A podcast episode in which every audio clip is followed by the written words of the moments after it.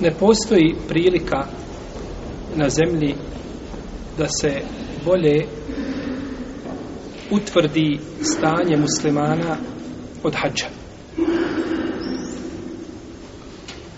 Jer na hađ možemo kazati uslovno da dolaze da dolazi najbolji dio umeta.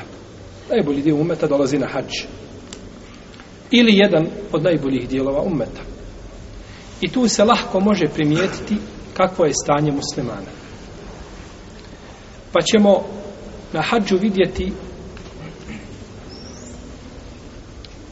ljude koji ne samo da ne poznaju osnovne propise hađa, jer je hađ ibadet meusimi, to je sezonski ibadet koji je jedan put u godini i prođe. I zato jako rijetko vidimo da se pitanja o hađu postavljaju poslije hađa do naredne godine. Pa nije čudo da ljudi ne poznaju propise hađa, ali je čudno da ljudi ne poznaju propise svoje vjere od tevhida, od namaza, pa nadalje. Pa ćete vidjeti ljude koji dođu da obave hađ i u Allahovoj kući u njemu najdržem mjestu čine mu širk prizivajući ovoga ili onoga a svako ko priziva mrtvog ili živog i traži od njega ono što mu ne može dati mrtvi svakako ne može ništa a živi ne može osim određene stvari ako je prisutan da se zamoli za nešto, to je drugo, to je ono što može. Takav čovjek čini ono što smije tražiti samo da Allaha zavođa. Pa ćete naći ljude koji dođu da dobiju dobra djela, da budu očišćeni od grijeha, a vrate se sa najvećim grijesima. Tako ako gledate u namaz i posmatrate namaz ljudi, vidjet ćete čuda. Znači vidjet ćete čuda neviđena kako ljudi klanjaju i kako se ophode prema namazu. A da ne govorimo znači o drugim pristupima koji se dešavaju ili tom prilikom na hađu. Pa je hađ prilika da čovjek vidi razne vrste muslimana.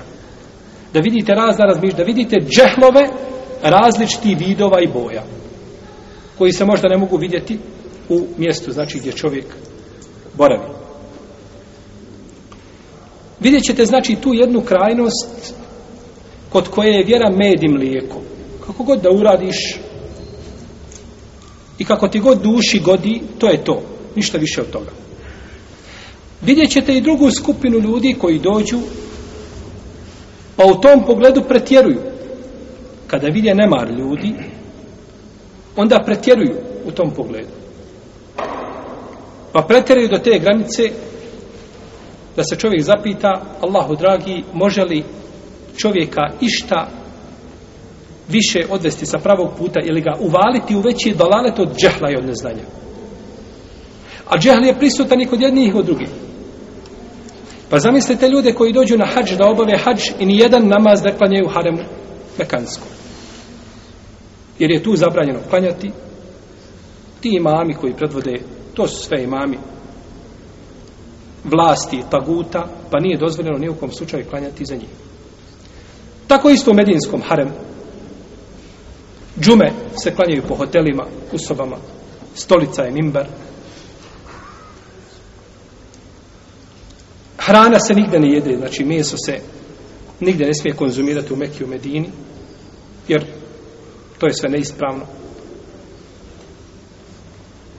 Možete misliti kako ljudi sebi azab čine na, na ovome dunjalku. Došao da obavi hađ, da Allahu udovolji i čini sebi azab sa svih mogućih strana. Oni ne samo da ne klanjaju za ljudima koji su imami u haremu.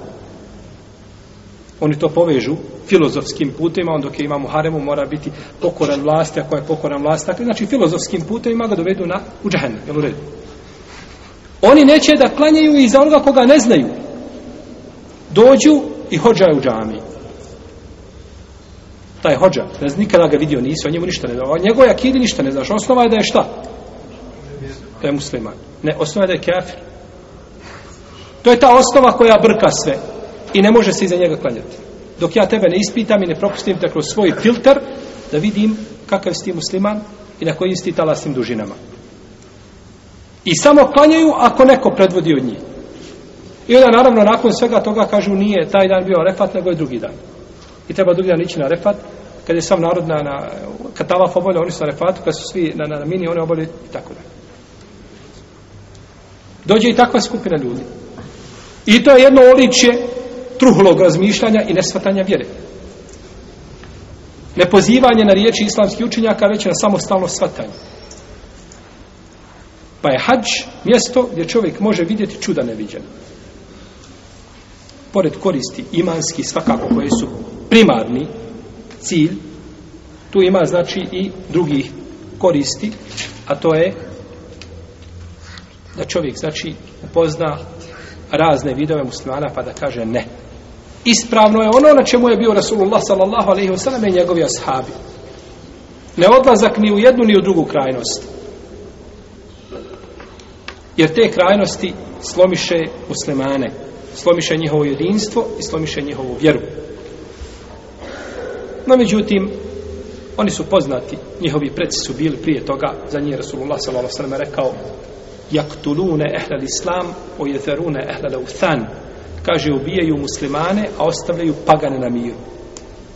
E tako su i ti muslimani, od njih su pagani svih vrsta i boja mirni, bez obzira šta radili na zemlji, i kako prema islamu i njegovim sledbenicima postupali, oni su mirni, ali od njih nisu mirni muslimani.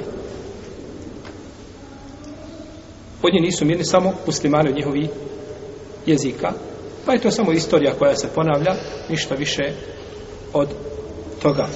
Ima Allaha te barake od tada da nas učvrsti na istini i da se ne pokolebamo ni u tom momentu. I da ostanemo na menheđu na kome jesmo i da nas uzvišeni Allah te barake od tada učvrsti na tome. A nikako da padnemo pod utjecaj neznalica koje su, nažalost, svojim džehlom uspjele da zavedu jedan dio muslimana. Zašto? Zato one što su i zaveli, su isto tako džahili kao i oni. Nisu sjedili, učili svoju vjeru i slušali, nego su kopkajući, kopkajući po internetu, znači i slušajući predavanja od ljudi koje nikada nisu vidjeli, niti šta znaju o njima, znači upali u takvu zabludu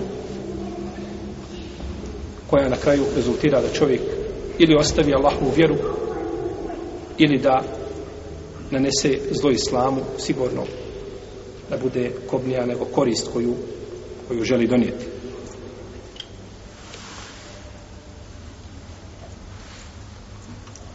Što se tiče muslimana koji dolaze na hađ, a da ne znaju propise, tu odgovornost nosi svako onaj ko je vezan za organizaciju muslimane treba upoznati muslimane treba upoznati sa propisima a i pomoći im da obave hađ na ispravan način a nikako pustiti ljude znači da se o njima niko ne brine i zato je blagodat što imaju studenti znači koji pomažu hađijama To je konkretno vezano za naše podneblje, no međutim, mnoga podneblja dolaze, nema studenta, sami vodiči nisu spremni da im objašnjavaju ili da, da se sa njima ovaj, da se potrude da ljudi obave hač na propisan način. Pa ćete naći čak da ljudi ne odu ni na refat, da ne obave znači glavni ruk hač. Znači, hoda po pijacama, devetog Zulhidžeta, kad treba izaći na Arefat, vrati se u tri sahata, karavana sva otišla, on i dalje u hotelu, dva, tri dana, dok neko neđe po njega. Što su greške, znači, koje se ne bi smjela muslimanima dešavati?